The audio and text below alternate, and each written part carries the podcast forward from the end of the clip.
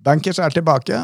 Mitt navn er Fredrik Ask Stensrud, og i den poden her så ser jeg og Anders Johansen, som er vår sjefstrateg i Danske Bank, litt nærmere på de temaene vi mener fortjener ekstra oppmerksomhet.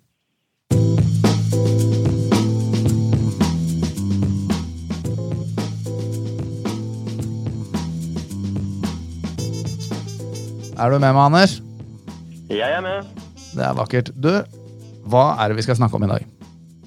Jo, I dag har jeg lyst til å tenke, snakke om et tema som jeg alltid syns er relevant. og Det er om man skal investere alt på en gang, eller gradvis kjøpe seg inn i markedet. Og hva er grunnen til det? Jo, eh, som sagt, jeg mener dette alltid er relevant, men kanskje spesielt akkurat nå. Fordi eh, vi har jo vært ute med et eh, houseview for et par uker siden, og da reduserte vi for første gang for, på fire år eh, aksjerisikoen vår fra overvekt til nøytral. Eh, og Noe av grunnen til det er jo det at vi ser for oss større svingninger fremover. Og Da er det som jeg kommer til å komme inn på, en større fordel å fase seg inn. Eh, I tillegg så har jo markedet steget mye. Og mange er jo, som vi vet, redde for å kjøpe, to, øh, kjøpe, på topp. Så da kommer denne psykologien inn. Skal jeg kjøpe nå? Skal jeg kjøpe eh, vente til det har falt 10 osv.? Og, og det som jo da er viktig, er jo det at man må ha en plan. Sånn at man i hvert fall ikke står øh, om ti år og fortsatt ikke har kommet seg inn, fordi markedet bare fortsetter, fortsetter å stige etter at du tok den første øh, beslutningen om å vente litt til. Ja, ok, Det her er jo for så vidt et kjent eh, konsept. Og for lytterne våre så kan jeg bare si jeg får beklage litt eh, at vi har noe dårligere lyd i dag, men med de nye restriksjonene som kom i går, så sitter jeg helt mutters alene på kontorene til Danske Bank, mens Anders er hjemme. Så vi får bare prøve å leve med at ikke vi har like høy kvalitet som vanlig i dag. Men det tror jeg vi skal, jeg vi skal klare. Hva, hva, er det som er det sentrale budskapet ditt i denne innfasingen, Anders? Jo. Så Hovedpoenget er jo at uh, aksjemarkedet svinger. Det er helt vanlig at det faller 10-15% selv i gode aksjeår. Historisk så har det jo lønt seg å gå all in i to av tre år. Men det vil jo også si at det har lønt seg å fase inn over en tolvmånedersperiode i ett av tre år. Uh, og så er det uavhengig av metoden du velger, så er det viktig at man legger en strategi. Det kommer vi til å snakke litt om. Og så uh, er dette med Eh, innfasing best under store markedsfall eller når markedet svinger en del. Og det er jo en av de tingene som vi tror fremover. Men, men var det sånn at du sier jo at det er vanlig med fall på 10-15 i, i et vanlig børsår? Ja, det, litt, eh, det virker litt overraskende. Men hvis vi f.eks. ser på europeiske aksjer de siste 50 årene, så har de i snitt gitt 7,3 eh, avkastning. Og så har det falt i 13 av de 51 årene. Det vil jo da si at det har steget i 38 år, eh, eller 38 av årene. Og, men i de 38 årene, hvis vi bare ser på dem som har positiv avkastning, så er faktisk gjennomsnittlig fallet 11,6 Uh, og så For å si det på en litt annen måte, da, når vi ser på aksjemarkedet, så er det jo sånn at vi, vi, er jo vant til å tenke at det bare stiger og stiger og stiger, spesielt etter den perioden vi har vært gjennom nå. Men det er faktisk bare i 13% av tiden at markedet lager nye topper. Uh, I 60% av tiden så er det innenfor 10% av, eller fra den forrige toppen. Mens i 23% av tiden er mer enn 20 fra forrige topp, eller det vi kaller et, et bear market. Du er så nerd, Anders. men Det er helt fantastisk. Men ok, du sier at, uh, at, at, markedet har steget i 38 av 51 år. Eller altså med andre med dine prosenttall, da 75% av tiden. Uh, hvorfor skal man ikke bare gå all in med en gang, da? Og, og, Grunnen uh, som ofte ligger bak der, det er jo det at man er redd for å kjøpe på topp. Og som jeg har sagt, fra tid til annen så faller markedet og ganske mye. Mer enn 20% eller det vi kaller et bear-marked. Og Hvis vi ser på det samme historikken som jeg nevnte i sted, så har det vært et bear-marked syv ganger de siste 51 årene. Eh, og Hvis vi da tenker på at det eh, sånn psykologisk sett, så er det faktisk over dobbelt så ille å tape penger som det å tjene penger. Så vi blir faktisk veldig mye mer lei oss når vi taper penger, enn når vi tjener. Og vi vet jo også at privatpersoner har en tendens til å, å være litt sent uh, ute. Sånn at man typisk kjøper når ting har gått veldig veldig bra ganske lenge. Uh, kanskje har man hørt en svoger eller en kollega eller en, en, venn som har tjent mye penger. og så liksom, ok, nå, nå, må jeg også få, nå må jeg få ut fingeren, nå må jeg gjøre den investeringen. Og så kommer man litt sent ut. Og så kommer en av disse her uh, bear-markedene. Fallet blir på 20% kanskje 30% og da vet vi da er jo nyhetene veldig, veldig, uh, veldig negative der ute. Og så selger man seg ut igjen. Derfor så har faktisk gjennomsnittlig privatinvestoren gjort det betydelig dårligere enn uh, enn en indeksene, da, hvis vi skal si det sånn. Og Nylig så kom jo Skagen ut og så sa at de hadde sett på sitt eldste aksjefond, Skagen Vekst, eh, som nå har 28 års eh, historikk. Så de ser på ok, Eh, hvem, hvem, er det som gjør det best? Jo, faktisk så sa de at kvinner gjør det best, for de gjør færre endringer enn det menn gjør. Menn er mer inn og ut. Men hvis du bare ser bort fra dette med kvinner akkurat nå, så sier du ok, så det som faktisk sier de også, er jo at vi, vi, de ser at igjen at de som gjør færrest eh, endringer underveis, de er de som faktisk sitter igjen med best avkastning. Eh, et annet eksempel som er morsomt å ta fram, det, er en, det begynner å bli litt gammelt, men samtidig Peter Lynch, som er en sånn legende innenfor fondsverden, han uh, forvaltet Fidelities, Magellan Fund i uh, eh, 12-13 år, fra 1977 til 1990. og I den perioden så hadde han fantastisk avkastning, nesten 30% i året. Samtidig så var gjennomsnittsinvestoren hans hadde negativ avkastning. Så tenk deg det, at fondet leverer 30% men gjennomsnittsinvestoren hadde faktisk negativ avkastning. Og så er det sikkert mange ting som kan være få investorer i begynnelsen, veldig mange etter hvert når track recorden kommer osv. Men likevel, det er veldig mange ting som tyder på det. At vi har en tendens til å kjøpe uh, for sent og være, uh, være litt aktive. Og Derfor så kan det være en fordel at man har en strategi for å heller fase seg gradvis inn, og så kommer man inn og er med på hele reisen deretter. da. Det er faktisk veldig spennende at du nevner det. Jeg så en amerikansk undersøkelse i går, faktisk. Eh, jeg husker ikke helt tidsperioden, men jeg lurer på om det var siste 30 år.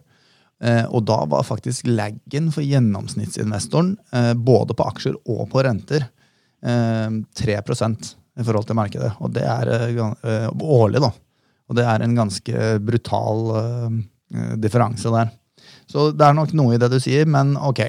Så la oss si at vi gjør en innfasning med en tolvtedel av det du skal investere, da, over tolv måneder.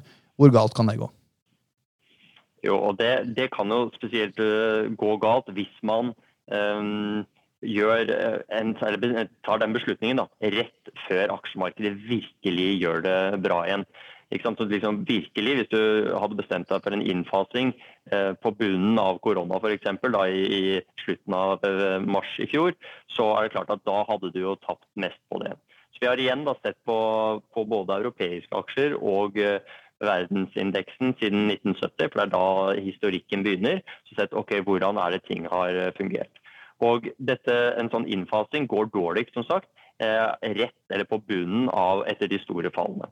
F.eks. etter finanskrisen, etter korona eller eh, for så vidt etter bunnen etter dotcom-boblen. Alle de gangene er det jo man gjør det aller dårligst. Og da kan man gjøre det ganske betydelig dårligere enn en, um, alternativet og putte alt inn på en gang. Det som er litt eh, paradoksalt, er jo det hvis man bare da hadde gått inn eh, seks måneder før og gjort en sånn innfasing, så hadde man stort sett kommet bedre ut av det. For da hadde man jo sluppet å være med på hele den veien ned før markedet stikker av. Så timingen har jo sånn sett en del å si. Men hvis vi ser på i snitt, så har det lønt seg da å eh, med nesten 4% bedre avkastning å gå all in på en gang, istedenfor en tolvtedel eh, over en tolvmånedersperiode, sånn som du nevnte. Eh, og det har lønt seg i to av tre år. Samtidig har det jo da lønt seg å gjøre det motsatte i ett av tre år. Og hvis man istedenfor å gå inn eh, med en tolvtedel hver måned i tolv måneder, så gjør det samme over seks måneder, så er forskjellen da 1,8% istedenfor for 3,9% Ok, Men når er det lønnsavfasien, da? Ja, og Det har selvfølgelig lønt seg i, i, eh, i, de motsatte tilfellene, når man står rett foran disse store fallene som jeg nevnte før, de vi er redde for. I ni perioder da, så har det vært mer enn 10% å spare på å gå gradvis inn. Eh, og i 10% av tiden så har, det, har man spart 7,5% ved å fase inn over 12 måneder. Men det viktigste er jo kanskje det at den opplevde risikoen blir så utrolig mye mindre, fordi man, man slipper å være på disse enorme svingningene det er akkurat når man gjør, eh, gjør selve hovedinvesteringen. Um, og Og så må jeg komme inn på dette her med å ha en plan. Da? Fordi Vi har eh, jo eksempler på kunder som har eh, solgt seg ut, f.eks. under korona. Solgt seg ut, Og så sitter man nå da 12-18 måneder senere og så har man ikke kommet inn igjen fordi markedet går fra deg. ikke sant? Du selger jo med en forventning om at det kommer til å falle videre, og så, mm, så gjør det ikke det. Det snur, og så kommer det opp igjen 10-20-30% og så ja, nei, nå skal jeg i hvert fall ikke gjøre det. Jeg venter. Og så fortsetter bare markedet, da. Og Det beste eksempelet jeg har på egentlig akkurat dette her, var tilbake under finanskrisen. Da var jo aksjemarkedet ned over 50 eh, Bunnen var i mars 2009. og Da var det en, en forvalter som jeg følger eh, og har fulgt i, i mange mange år, som sendte ut en, eh, en, en rapport som de kalte 'Reinvestment Terrified'. Og De sa akkurat dette her. De sa at vi vet ikke om bunnen er nå, og da var SMP bunnen var 666 i forhold til de 4600 omtrent som man er på nå, så ganske mye lavere nivå. Vi vet ikke om dette er bunnen, men vi mener at dette er et godt tidspunkt å begynne. Og så sa han det, det, liksom det viktigste. Hvis ikke du gjør det nå, så må du i hvert fall ha en plan på hva du gjør hvis markedet om en måned eller to er 20% høyere enn der det er i dag. For Stort sett så er jo det alltid tilfellet når, når, man er på en sånn bunn etter et stort fall, at det går veldig veldig fort opp de første prosentene etterpå. Litt på samme måte som vi jo opplevde under uh, koronabunnen i mars i fjor. Ja, det er, det er, ikke lett. Så det å ha en plan er definitivt uh, smart. Uh, er det noen andre ting man burde tenke på? Ja, det syns jeg det er. Og kanskje en av de viktigste tingene det er å tenke på uh, det beløpet vi snakker om her. Er det et lite beløp i forhold til uh, den, din totale formue, så er dette med, re, med en sånn gradvis innfasing det har ikke noe stort poeng. Så det er jo egentlig nesten en forutsetning at dette er et betydelig beløp. Enten at du har arvet en, del av, eller en stor, stort beløp, eller du har solgt et selskap et stort bygg eller den type ting. Så liksom, det er et betydelig beløp som kommer til å det kommer til å ha noe å si da, for, for, din uh, formue frem i tid. Det er da vi snakker om dette her. Uh, og så er, er, vi jo egentlig alle godt kjent med konseptet innfasing fra før. F.eks. er jo det noe vi bruker på pensjonssparingen vår. Så, og der, der, er jo sant, En av de hovedpoengene som jeg synes er så utrolig bra, er jo det at vi har egentlig ikke noe forhold til hvor mye vi uh, sparer hver måned. De pengene bare forsvinner ut. Og det samme kan vi jo egentlig gjøre med det man kaller en spareavtale.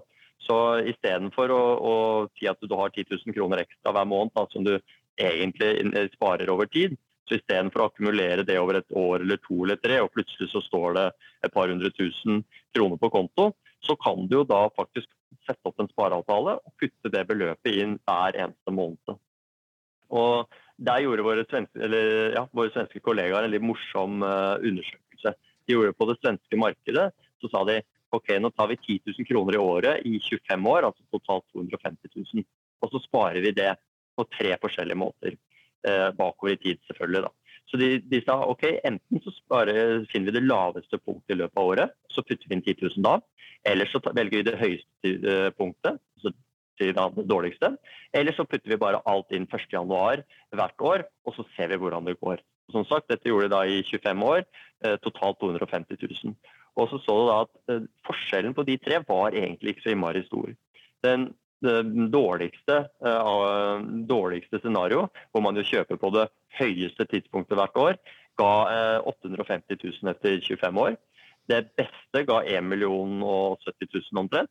Så der ser liksom forskjellen er jo da rundt hva blir det, 200 og litt tusen forskjell. Ikke så veldig mye. Så det viktigste her var jo faktisk at man fikk pengene inn i markedet, og at de sånn sett gjorde jobben deretter. Ja. Eh, Anders, du skal få oppsummere, men det er et, et, lite poeng som jeg bare vil understreke, eh, basert på det som du har sagt nå. For du, du begynte jo innledningsvis eh, her også med å si at mange av de investorene, eh, altså gjennomsnittsinvestoren, gjør det, gjør det, dårligere. Og mye av grunnen til det er at de kludrer for mye med investeringene sine, rett og slett. da. Eh, og den innfasingen som du har beskrevet nå, det er jo nettopp en sånn sak som kan være med på å fjerne litt av uroen nå, fra en investor. Og det at du fjerner den uroen, gjør også at det er lettere for deg å holde deg til planen. Noe som definitivt kan ha et positivt bidrag til avkastningen. din. Helt enig. Ja, så... Det er jo nesten en perfekt oppsummering i seg selv. ja, Du skal likevel få lov å oppsummere litt. Det her er eh, et utrolig spennende tema. Så hva, hvordan vil du oppsummere de tingene vi har snakket om nå? Jo, la meg bare ta en siste sånn liten uh, uh, disclaimer, som vi liker å kalle det. Det er jo også et viktig poeng ikke sant, når jeg sier alt dette, at man må, man må passe på å ha, ta hensyn til egen risiko, hold, holdning til risiko og kapasitet og alt den type ting når man gjør, gjør dette her. Ikke sant? Så nå har vi snakket litt mer sånn generelt. Men ok, la oss uh, gå på, på oppsummeringen. Så for det første, markedet svinger mye. Det er helt vanlig at det faller 10-15% i løpet av et år, selv de gode årene. I år har det ikke falt så mye, men, men i det vanlige, vanlig godt uh, aksjeår så kommer det noen ting i løpet av året hvor det svinger en del. Historisk har det lønt seg i to av tre år å gå all in på en gang. Dvs. Si at i ett av tre år så har det lønt seg å investere en tolvtedel hver måned i tolv måneder. Og forskjellen i snitt da, har historisk vært uh, ca. 4% på de eh, to forskjellige alternativene. Innfasing har jo da som sagt vært best i ett av tre år. Men det har vært bedre i perioder når markedet svinger mye. Og Vi mener jo at den perioden vi står fremover, foran fremover nå, kommer til å være en periode hvor det er større svingninger. Derfor syns jeg det er ekstra viktig å ta opp dette temaet akkurat nå. Og så må du huske at uh, denne beslutningen den avhenger av størrelsen på beløpet du skal investere. Både i forhold til den formuen du har i dag, men også den formuen du får fremover i tid. Hvis du er en som, som har en god sparing hvert år, uh, så, så, har det mye å si også hva du tror du kommer til å tjene fremover. Og så, siste poeng, Husk at spareavtaler er en fantastisk mulighet, hvor du egentlig slipper å ta veldig mye forhold, eller ta stilling til denne problemstillingen. Ja, og spareavtaler er ikke bare for dåpsbarn, for å si det sånn. Det passer for veldig mange. Jeg vil egentlig kanskje hevde at det passer for alle.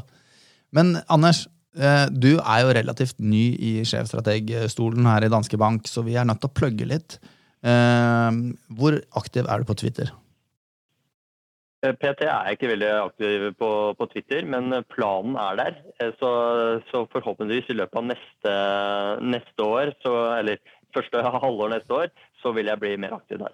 Ja, jeg har vært på Twitter i ti år, tror jeg, eh, Anders. Jeg har 250 følgere, så det skal ikke bli så vanskelig for deg å klare å slå det. Men hva er ditt Twitter-handle? Åh, oh, nå spør du veldig vanskelig. Det, vet jeg ikke, faktisk. Herregud. Okay. AJ Ok, AJ. Vi, vi, satser på at det er riktig. Eh, prøv å gå inn på Twitter og følg han der. Hvis ikke dere finner Anders, så kan dere finne meg. Jeg er da på handle at Ask Stensrud. Um, for det vil ville egentlig spørre deg her nå, og nå putter jeg deg litt uh, on the spot her. Men hva er det, har du funnet ut hvilket tema som er det neste temaet vi skal snakke om i Bankers? Nei, det har jeg ikke. Men eh, det er, vil jo være på nyåret. Og da er det helt naturlig at det, det vil være hva tror vi om eh, 2022. Ja, Og for de av dere da som gjerne vil prøve å gi oss noen innspill til hva dere syns vi skal snakke om, så kan dere da sende en melding til Ask Stensrud, at Ask Stensrud på Twitter. Eller hvis dere faktisk finner Anders, så sender dere en melding til han. Og da gjenstår det egentlig bare å si eh, god jul eh, til deg, Anders. Jeg foreslår at du bruker litt tid i julen på å jobbe med Twitter-profilen din. Eh, og så, så, ses vi igjen i 2022. Det gjør vi. God jul. Ha det godt, Anders. Ha det.